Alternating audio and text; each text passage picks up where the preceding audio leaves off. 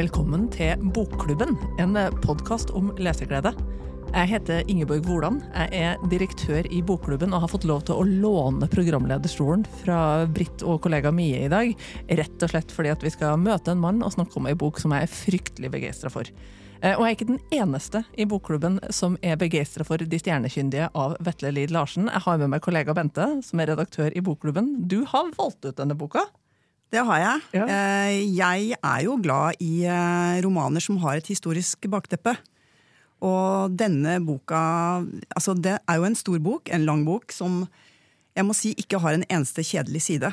Eh, Jeg ble veldig begeistret, faktisk. Jeg synes det er, eh, Og så er det jo noe med den, det vitenskapelige miljøet som, som jeg syns er morsomt å lese om. Og det gleder vi oss til å snakke om. Velkommen til oss, Vetle Lid Larsen. Tusen takk. Hyggelig å være her. Ja, eh, Det er jo en fersk bok for våre lesere som de snart får eh, kloa i. Men vi kikka litt tilbake i historia for å finne ut hvor lang er egentlig historikken mellom Vetle Lid Larsen og Bokklubben, og det begynner å være noen år. Vi- Ja, jeg har jo vært innom her og opp igjennom, øh, for å si det slik, så det er veldig hyggelig å være tilbake. Og veldig hyggelig at dere har valgt ut øh, boken. Eh, Jeg syns jo selv at det er en spennende historie. Så jeg, jeg, det er veldig, man blir jo veldig glad når man skjønner at man treffer hjemme hos noen. Da. Så det må jeg takke for, i hvert fall. Du har truffet hjemme hos mange av oss, men også selvfølgelig avisanmelderne og sånt, siden den kom i høst. Det, er ikke bare Bente som har karakterisert det som en lesefest. Det gjorde anmelderen i VG. Og ja, vi har mye vi må prate om. Eh, jeg skal prøve å si litt sånn veldig kjapt hva den handler om, men det kommer vi til å dykke inn i, for det her er ganske kompliserte greier. Men det handler om en vitenskapelig ekspedisjon gjennom Norge til Vardø på 1700-tallet for å observere et bestemt himmelfenomen, Vetle. Ja, altså jeg synes jo Det er en ganske god gjengivelse av handlingen. Det, det, det, det, som er utgangspunktet for alt, det er jo at det er i 1769 så er det en såkalt Venuspassasje. Og Det er en, en astronomisk fenomen hvor Venus passerer over solskiven. Kan man observere dette? Det er et ganske sjelden fenomen.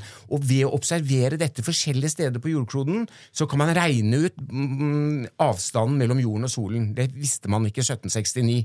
Og Derfor så utruster alle de store landene i Europa ekspedisjoner til alle verdens retninger for å observere Venuspassasjen. Og, og alle de fantastiske vitenskapelige nasjonene, Russland og Tyskland og Frankrike, og alle sender sine folk. Men Norge, Danmark-Norge har liksom ikke teknologi nok, og de har ikke utstyr nok, og de har ikke folk nok til å gjøre dette. De vil gjerne være med på leken, de også. Så de leier inn verdens mest berømte astronom fra Østerrike, og så sender de han fra Wien med en eh, ungarsk assistent, 40 kasser teknisk utstyr, 20 kasser god rødvin og en kongepuddel av alle merkelige ting fra Wien tvers igjennom Europa, forbi Oslo, opp gjennom Gudbrandsdalen. De må dytte vognene over øh, Dovre til Trondheim og videre derfra helt frem til Vardø, som er da Europas nordligste og østligste punkt, for der å bygge et stjerneobservatorium og observere denne Venuspassasjen som varer bare i seks timer, en spesiell dag i 1769. Så det er en, en, en, egentlig en gigantisk uh, greie, og en, fantastisk, uh, helt eventyrlig historie som bare i utgangspunktet, for det er jo sant, er fantastisk uh, før jeg begynte å sette fingrene i materialet. Ja, fordi sånn som du forteller det her nå, så høres det jo helt ut som absurd tankespinn, men det er akkurat det her, da. Dette har skjedd. Hvordan Ja. kom du over det her? Nei, altså For det første så skriver jeg historiske romaner, og jeg liker veldig godt øh, historiske forelegg, så jeg syns det er veldig spennende å dukke ned i historien.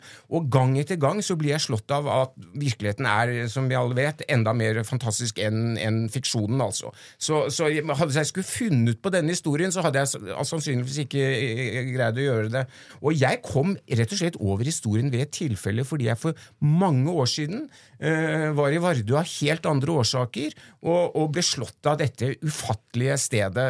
Det er brutalt, det er iskaldt, det er um, øde, det er fantastisk. Befolket med noen eventyrlige eh, personer den dag i dag. Og der, på et bibliotek, snublet jeg over et hefte som rett og slett het Kystartilleriet Nytt, som må være det mest drepende kjedelige heftet som noensinne har blitt skrevet, og som jeg lånte med meg på hotellrommet for å lese for å sovne, og det greide jeg veldig raskt. Bortsett fra at på side 92 så var det en artikkel om Maximilian Hells reise til Vardø i året 1769, og da jeg hadde lest de seks sidene, så reiste jeg meg opp igjen, og så gikk jeg rundt sengen seks ganger og tenkte denne historien er så bra, den må jeg bare gjøre noe med.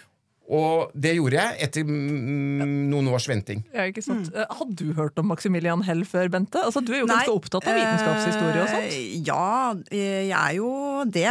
Eh, Men jeg prøvde jo å google mm, Maximilian Hell, og jeg fant jo ikke så veldig mye om han. Altså, det var jo ikke lange artikler eh, på SNL eller Wikipedia.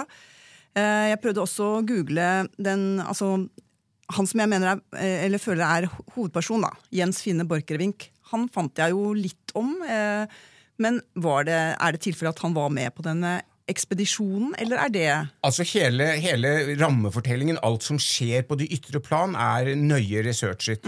Og, og fra jeg oppdaget dette materialet for, for mange år siden til i dag, så er det jo riktignok skrevet ganske mye. Det er skrevet no, øh, Norske akademikere har skrevet øh, om hell, utenlandske har skrevet om han, så etter hvert er materialet blitt ganske kjent, vil jeg si. Men så det jeg har gjort, er på en måte å sammenstille dette her og, og skape liv i, i, i skikkelsene. Så, så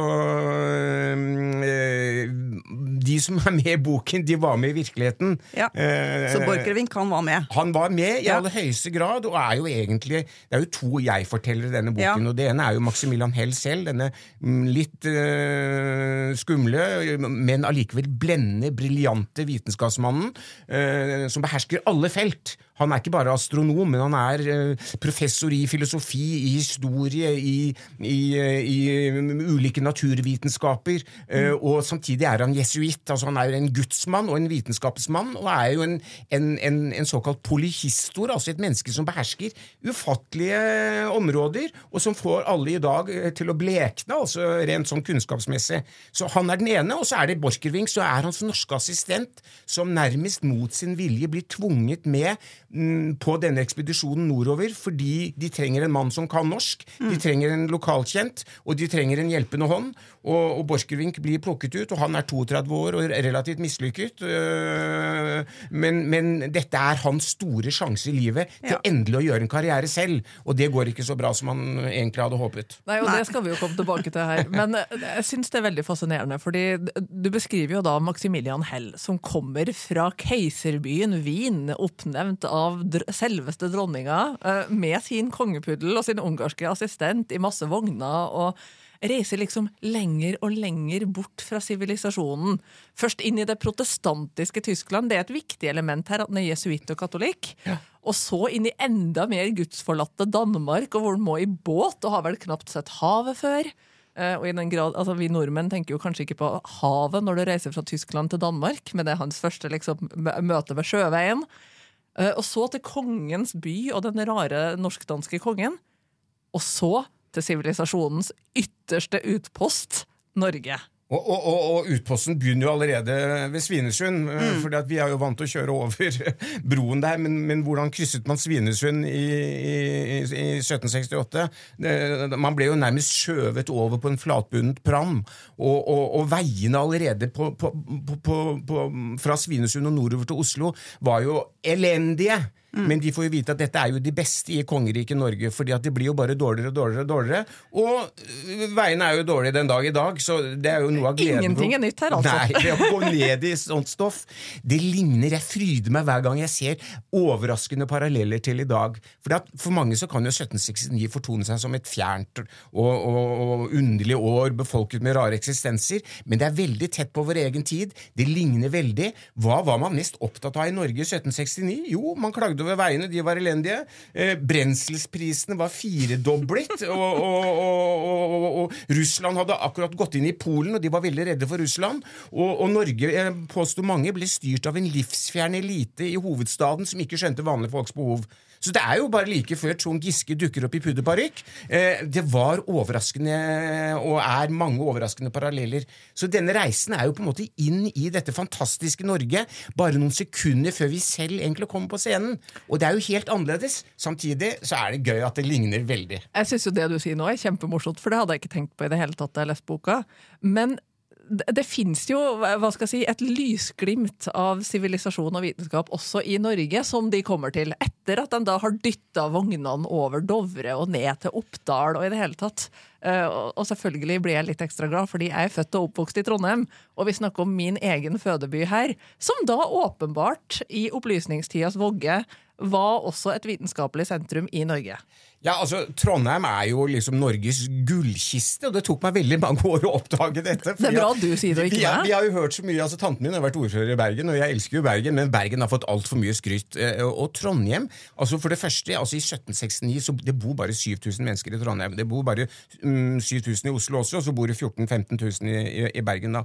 Men altså i Trondheim i 1769, dette har jeg gjort research på, du kan gå inn i ni forskjellige kolonialforretninger og kjøpe gåselever og dyre bordeauxviner. Byen er befolket ikke med én Rimi-Reitan, men, men med kanskje 20-30 stykker som er like rike som Rimi-Reitan er i dag, og som bygger fantastiske lystgårder med trepaneler og romerske byster og silkelærstapeter og mm, vidunderlige møbler.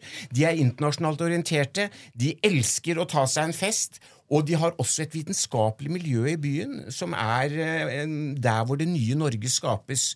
Der, der er det såkalte mm, Kongelige norske vitenskapers selskap blir grunnlagt på slutten av 1700-tallet. Der er den berømte biskop Gunnerus, som er en, en blendende, ganske egoistisk, men interessant og spennende mann, som er den første i Norge som skaper en, en flora, altså en, en samling over Norges blomster.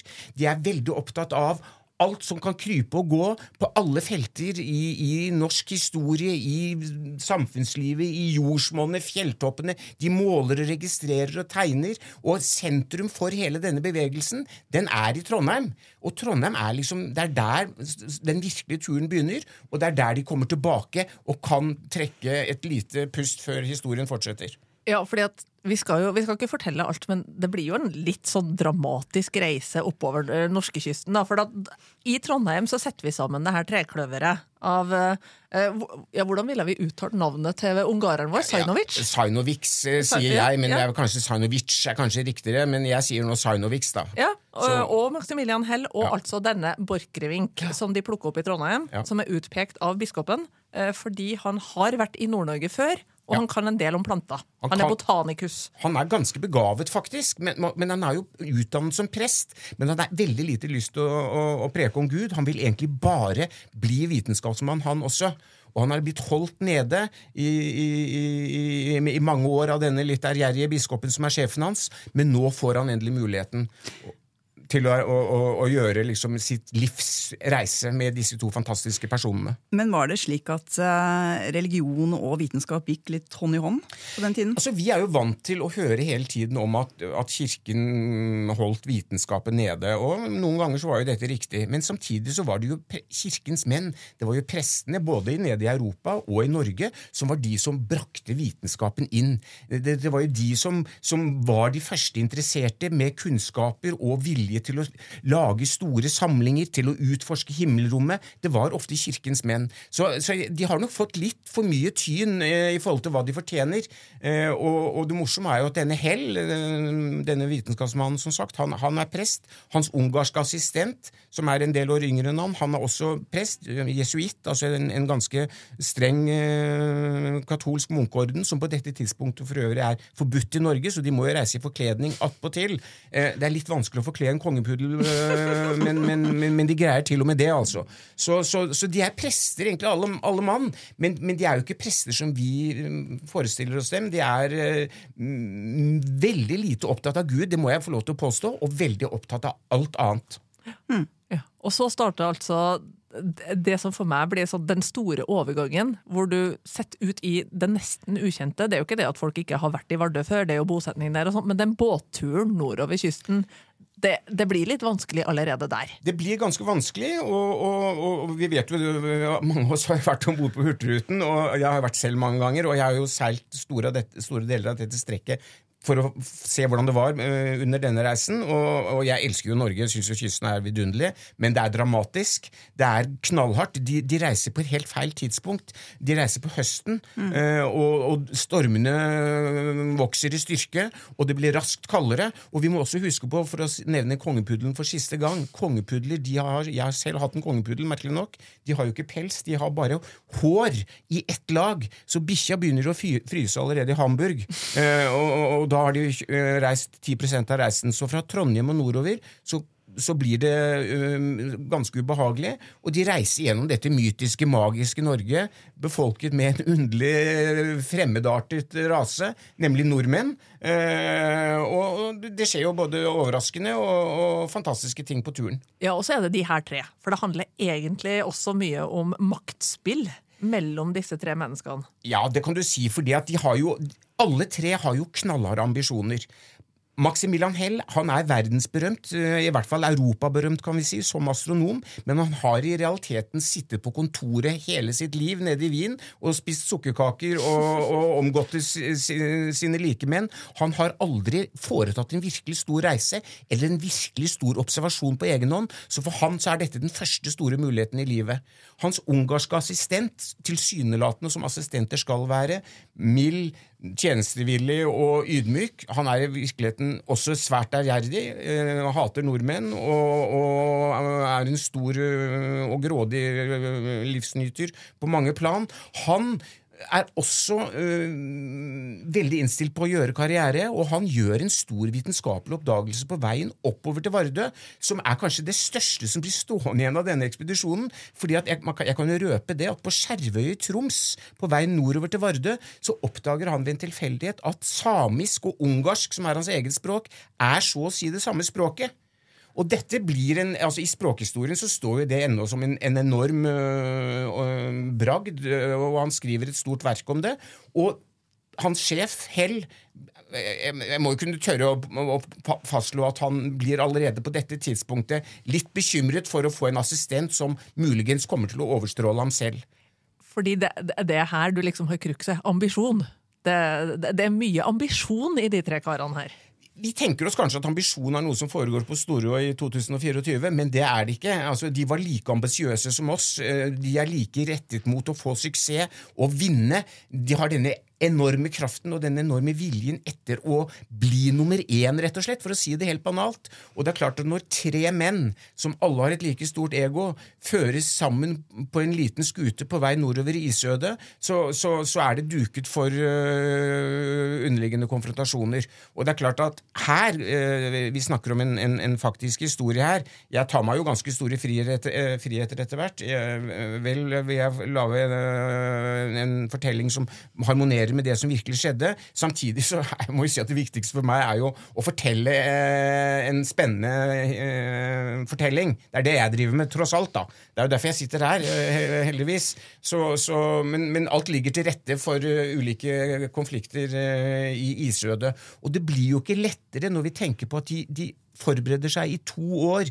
De er sponset av kongehus og av hele det europeiske akademiske miljøet. De reiser til Vardø. De må ha sol den ene dagen, 3. juni 1769, ellers er alt mislykket. Men Vardø er jo det stedet på kloden med mest overskyet vær. Det er jo 347 dager med, med, med, med byger der. Eh, så sjansen for å lykkes er så liten. Og allikevel så setter de alt inn på å vinne.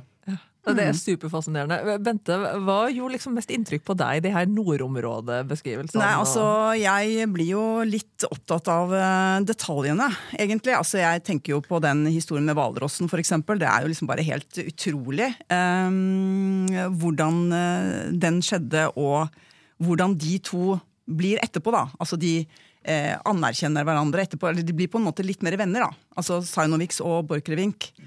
Som jo uh, har sett skuld på hverandre hele tiden. Ja, for de har ikke vært gode venner fram til dette punktet i boka. Og så blir jeg jo veldig fascinert av det med nyserot Og jeg lurer jo på om du fant Har du funnet ny nyserot? Hva er nyserot? Altså, hva nys, er det, ja? Nyserot er en veldig Plante? sentral plante i, i boken. eh, Fordi at det er, det er en dødelig plante. Bare Mm. et kvart eh, milligram er nok til å drepe en hest, så å si. Og den fin, denne varianten finnes bare på Vardø. Og jeg har jo ikke lyst til å gå inn i detaljene rundt hva som skjer rundt denne planten, men, men eh, jeg var på Vardø flere ganger. Jeg fant ikke nyserot, for jeg var der på feil tidspunkt. Og jeg så alltid for meg nyserot som en, en liten gul og giftig plante.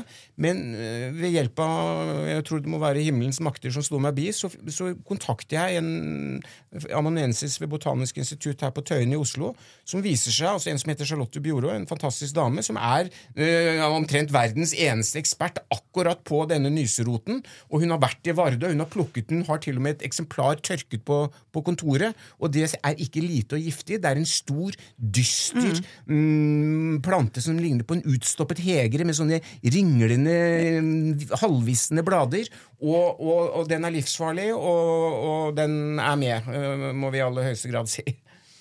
Og du beskriver jo at de hadde, altså samene hadde litt av den i snusen sin. De, de brukte nyserot i snusen, men de brukte små porsjoner. Ja. Og samene var jo store snusprodusenter. Og, og Ting jeg ikke ante. Det, det ante heller ikke jeg, det må jeg bare si. Og, og, og, og samene spiller jo en, virk, en viktig rolle her også. fordi at eh, Inntil dette punktet så har jo samene vært sett på som et, et, et, et, et ganske vilt og utemmet og, og urfolk, altså på laveste nivå. Men når denne eh, Sajnovic, som er med på reisen, oppdager at ungarsk og, samisk er det samme, så løftes jo plutselig samisk opp til å, å komme på lik linje med resten av europeisk sivilisasjon. Så det er, det er, det er liksom et veldig dramatisk øyeblikk i, i samisk historie også, det som skjer øh, underveis her. Så Men, ja, men han var den første eh, som oppdaget den eh, språklikheten. andre har vært inne på det, men det er Ja. han som gjør han, I løpet av denne reisen ikke bare observerer han mm, stjernehimmelen, og de måler mm, havdybder og alle fjelltopper, og samler alle planter og skjell eh, og, og, og, og, blomster og dyr de kan få tak i, men de, de eh, skriver også et verk, Sinovix, et, et stort verk på flere hundre sider, hvor han sammenligner systematisk eh, ungarsk og samisk og påviser eh, denne slektskapen. Og det, eh, det står den dag i dag altså som egentlig det første store øyeblikket hvor dette skjer. Jeg, jeg synes Det er moro, da. Ja, jeg, jeg- altså, jeg er jo en elsker av historiske romaner som sjanger. Uh, og, og det det har å si for meg, er jo nettopp det at jeg både kan få en spennende historie. uh, I det tilfellet her syns jeg jo kanskje det er mye et psykodrama, og det overraska meg, og det var gøy. Og så lærer jeg masse. Sånn for eksempel det at uh, den finsk-ugriske språkgruppa ble definert etter den reisen her, eller bare det at det fantes en type eh, Knut Jørgen Rød Ødegård-aktig astronomisk eh, intensjon i 1769, liksom. Jeg ante jo ikke noe om denne Venuspassasjen. Du har jo skrevet flere historiske romaner. Mange av våre medlemmer vil huske Lucias siste reise for et par år siden. Hva er det med sjangeren du liker som forfatter? Nei, du, du har jo på en måte allerede sagt ord på det, for selv så er jeg jo veldig nysgjerrig. Og, og jeg syns det er veldig viktig å, å, å understreke at en bok som De stjernekyndige det er en, en, en- bred fortelling som kan leses av alle. Det er liksom ikke vitenskapshistorie. Det er på en måte eh, allm- allmenngjort da, i, i min fortelling. Men, men jeg er jo dypt fascinert over, som sagt, virkeligheten i seg selv. Eh, og, eh, og, og når vi leser om fortiden, så er det jo ikke for å få en slags museal av noe som har skjedd, det, er for å møte oss selv. Vi ser oss selv i bakspeilet, og det er det som er den store fascinasjonen for meg. At ved å flytte seg ut av vår egen tid, så kan vi se oss selv tydeligere.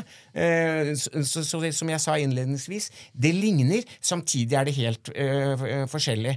Og jeg må jo også si at jeg, jeg er jo en av de eh, verdens siste norske forfatterne som sier at ja, jeg elsker Norge.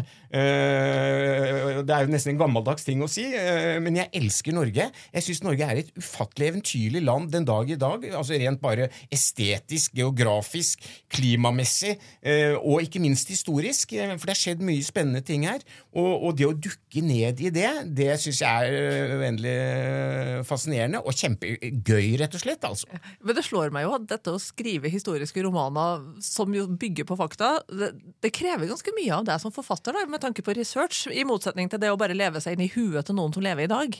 Jeg, jeg, jeg, jeg vil nødig skryte av innsatsen, men det, det krever jeg, altså Lucias siste reise, som handler om likkisten til Sankta Lucia etter døden på 300-tallet, og, og, opp gjennom europeisk historie Jeg brukte fem år på researchen på heltid. Så det, det, tar tid, og her også. Det er uendeligheter, ting man skal gjennom. Jeg vil jo beskrive det skal jo være riktig. Det er ikke ljug. Maten skal være riktig, klesdrakten skal være riktig, reisemåten, hva de heter Altså alt skal være korrekt, og det krever innsats. Og så krever det en enda større innsats å presse dette sammen til noe som blir en levende fortelling. Men gleden for meg, jeg må jo si det, jeg syns å skrive i seg selv er et helvete på jord. Øh, men å samle stoffet og reise rundt og forske og oppdage i et materiale som er så kjempemorsomt og spennende som dette, det er en gave fra Gud. altså. Det må jeg bare si. Så det er noe jeg har fått her i livet også, og det er den muligheten til å kunne gjøre dette. Bente, du har jo lest ganske mye om både norsk natur og norsk historie de siste par åra også. Det, var det noe her som liksom traff den strengen hos deg? Uh, ja, altså jeg er jo, jeg er jo fascinert, uh, for det første, av eh, relasjonene her, altså hvordan de eh, er mot hverandre. Og tenker at det er sikkert den intensjonen som du har hatt, da, å beskrive hva det gjør med folk å være altså, sjalusi og mistenksomhet og drive og vokte på hverandre og sånn. Men, eh, så det syns jeg er fascinerende. Men det som jeg også blir kjempefascinert over, det er selve reisen. Um, altså hvordan de drar av gårde med all den oppakningen, og jeg ser jo for meg de kjerrene med de digre, tunge kassene og de kommer da til Norge og den der bakken opp Gjelleråsen, som jeg også leste om i en annen bok som kom ut eh, nå. En paris, pariserinnes reise gjennom Norge til Spitsbergen anno 1839. Jeg vet ikke om du har lest den, men der er også Har hun også problemer på Gjelleråsen? Hun har også veldig problemer på Gjelleråsen. Eh, eh, I gjørma. Og må ut av vogna, og de må dytte. Og sånn er det jo. Altså, veien til Trondheim er et kutråkk. Og det er jo veldig fascinerende at de kom seg fram. Ja, Det er fascinerende. Så ja, Det er helt utrolig spennende og veldig morsomt å lese om. Og den eh, reisen med fra, fra, Trondheim til Vardø også er jo eh, veldig gøy å lese om, må jeg si. Altså, jeg skjønner ikke helt hvordan du greier å sette deg inn i eh, hvordan det er på en sånn skute når det stormer og hele båten fryser til is, og de må hakke is. og Altså, de har jo ikke ordentlig altså De må jo være så kalde og sultne, og den stakkars bikkja ja, altså, og den får ikke gjort fra seg engang! Nei, den får ikke det. Jeg tenker på i dag når vi får krigstyper i VG, bare det er liksom så vidt overskyet vær. ikke sant? Ja. Men de er ganske uh, hardhauser, altså. Ja, de ikke bare er de overraskende det. oppegående og kunnskapsrike, men de er ganske fysisk robuste. Selv, selv altså disse to jesuittprestene de er jo utdannet til å kunne forlate ethvert sted på, som de befinner seg på jordkloden, og reise straks til et annet sted for å overleve. Så de har en, en sterk sånn kodeks i seg.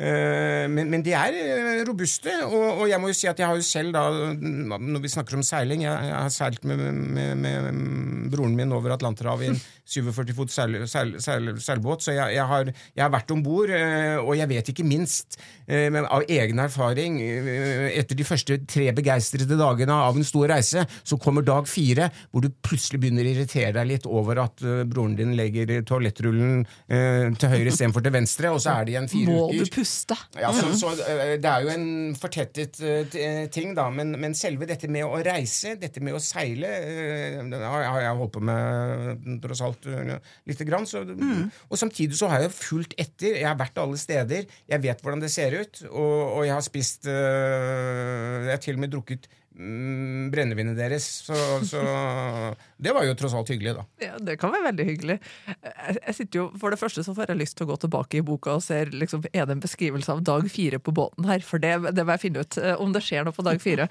Men, uh, så det kan jo de som skal lese boka, bare glede seg til å finne ut. Uh, og så lurer jeg jo på om du allerede er i gang med å tenke på ditt neste prosjekt? Jeg er absolutt i gang, øh, og, har vel så å si nesten tatt beslutningen, men jeg, jeg nøler øh, og, og, bruker tiden til å, å, å tenke meg om, så, så, øh, jeg er i gang. Jeg må jo bare si helt til slutt at det er jo en annen historie her. Det handler også om en vitenskapelig svindel. Denne fantastiske astronomen Ja. Hell han blir jo da beskyldt, og dette skal vi ikke ta i detalj, men han blir beskyldt for å ha begått en av de virkelig store svindlene i vitenskapshistorien. Og det, det er en dramatisk beskyldning som varer i årtier og århundrer etter hans død, altså. Ja, så han, han fikk jo aldri oppreisning Han- før han døde. Ja, nei, eh, og spørsmålet er jo er han en svindler eller er han en helgen. Og, og det, det oppklarer faktisk eh, boken og er en vesentlig del av eh, fortellingen. altså. Men jeg må si også, det er ikke en Ok, det er, det er menn, men uh, Borchgrevink er forlovet med datteren til Carl von Linné. I hvert fall så tror han det. Og han, det er kvinner med. Du har og- et par interessante dameskikkelser i Vadsø. kvinnene er også sterke. Og det vet vi alle som har vært jeg selv halvt nordlending, at nordnorske kvinner skal man ikke spøke med, faktisk.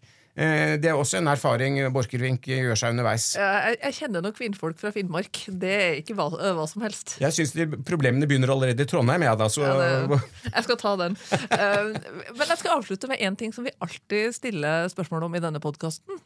for vi er opptatt av all lesing og god lesing. Hva leser du sjøl nå? jeg, har, jeg, jeg skal si akkurat hva jeg lest. Jeg lest eh, 'Reise i måneskinn' av Anal eh, Serb, som er en, også en reiseberetning i Europa fra fra 30-tallet. Og så har jeg som den siste av alle kanskje lest da nå Hollebecks uh, 'Submission', som er uh, eventyrlig bra. Jeg har lest en bok om Bachs cellosonater, eh, som jeg holder på med for øyeblikket. Og etter at man har skrevet og jobbet hardt, så er det det mest vidunderlige er jo å lese. Det er det jeg tørster etter når jeg selv jobber. Å kunne ha en dag eller to eller en uke og bare dukke ned i en bok. Det er jo virkelig, er det, Man trenger jo egentlig ikke noe mer her i livet enn en god fortelling og kanskje et lite glass vin. Altså, du, det er vi enig i. altså, du, du sa det som om du skulle jobba i bokklubben. Liksom. Bente, hva leser du? Eh, ja, hva leser jeg? Uh, jeg har jo i grunnen eh, lest denne nettopp, da. Og så leser jeg jo uh, leser en krim. Skred av en svensk forfatter. Jeg leser jo flere bøker samtidig. Men det var vel de jeg kom på akkurat nå. Ja, men det høres du? jo veldig gøy ut. Eh, du, jeg har to gående i parallell, og det har jeg vel egentlig mer eller mindre alltid. Mm. Eh, jeg har eh, en lydbok hvor jeg fordyper meg i det som ble et fenomen i enkelte land i fjor. En Abraham Fergese som heter The Covenant of Water.